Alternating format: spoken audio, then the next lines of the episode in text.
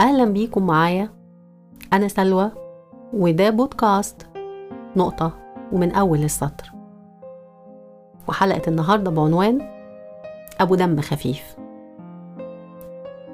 في وسط أيامنا العادية التقليدية وفي زحمة المشاغل والمشاكل اللي بتحاصرنا من قبل حتى اليوم ما يبدأ وإحساسنا المر بالروتين واللي أحيانا بيمنعنا من إننا نحاول نغيره أو حتى نشوفه بشكل مختلف.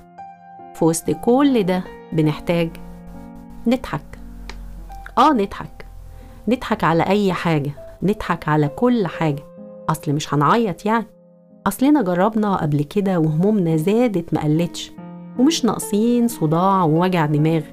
إحنا أساسا عايشين بالمسكنات. الحل إننا نضحك.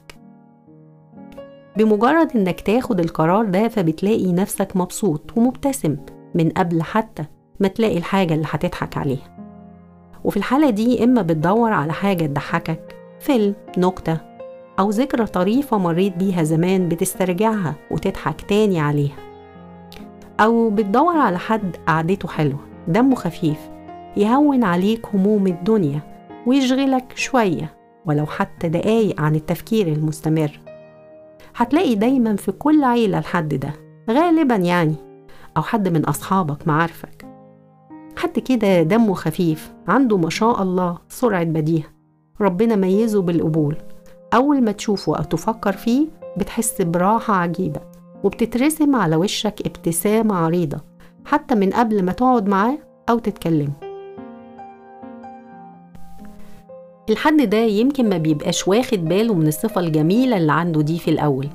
لغاية ما الناس اللي حواليه يبتدوا يقولوا له أنت بصراحة دمك خفيف قوي مش معقول. ده أنت فقر يا أخي. والحقيقة أنا مش عارفة إحنا ليه بنقول لأبو دم خفيف أنت فقري. حاولت أدور على أصل الحكاية دي بس للأسف معرفتش هي جت منين وإيه حكايتها. يا ريت لو حد فيكم يعرف يبقى يكتب لي في التعليقات. المهم لما بيبتدئ أبو دم خفيف يعرف الصفة دي فيه بيستخدمها صح وبيكون عند حسن ظننا فيه. دايما مبتسم بيضحك ويضحك اللي حواليه ويهون المشاكل ويداوي الألم بالضحك. وكل الناس تحسده على روقانه وطولة باله وإنه مش بيدي لأي شيء قيمة. دايما بيضحك ولا بيهمه. بيحسدوه على الضحكة ومتهيأ لهم إنه سطحي. ما بيفكرش زيهم ولا عنده هموم زيهم ولا بيتوجع زيهم. بس الحقيقة كل الناس دي غلطانة. أبو دم خفيف بيفكر وعنده هموم وموجوع أكتر من ناس كتير. بس الاختلاف الوحيد اللي بينه وبين الناس دي إنه مش عاوز يزود هموم اللي حواليه.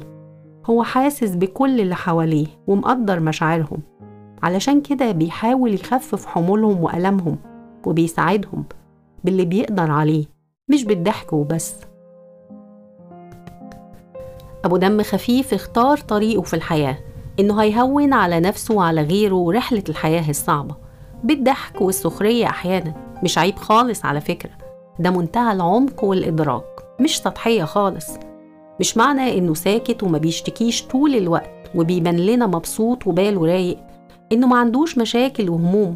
بالعكس هو بس طريقه مختلف عننا. طريقه صعب.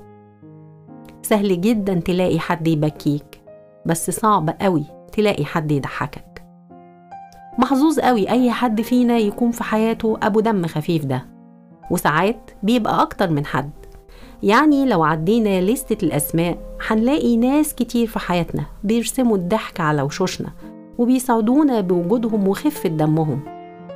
وأهم حد في لستة الأسماء دي بالنسبة لي هي أسماء. شكرا يا أسماء على القعدة الحلوة والضحكة الصافية اللي طالعة من القلب وكرم الضيافة والجدعنة. لازم نحافظ على الناس الحلوة دي في حياتنا ونقدرهم ونشاركهم في أحزانهم قبل أفراحهم زي ما بيشاركونا. ونحاول نتعلم منهم ونقلدهم علشان نهون على نفسنا وعلى اللي حوالينا رحلة الحياة الصعبة. لازم نضحك. ونقطة ومن أول السطر. كنت معاكم أنا سلوى وده بودكاست نقطة ومن أول السطر.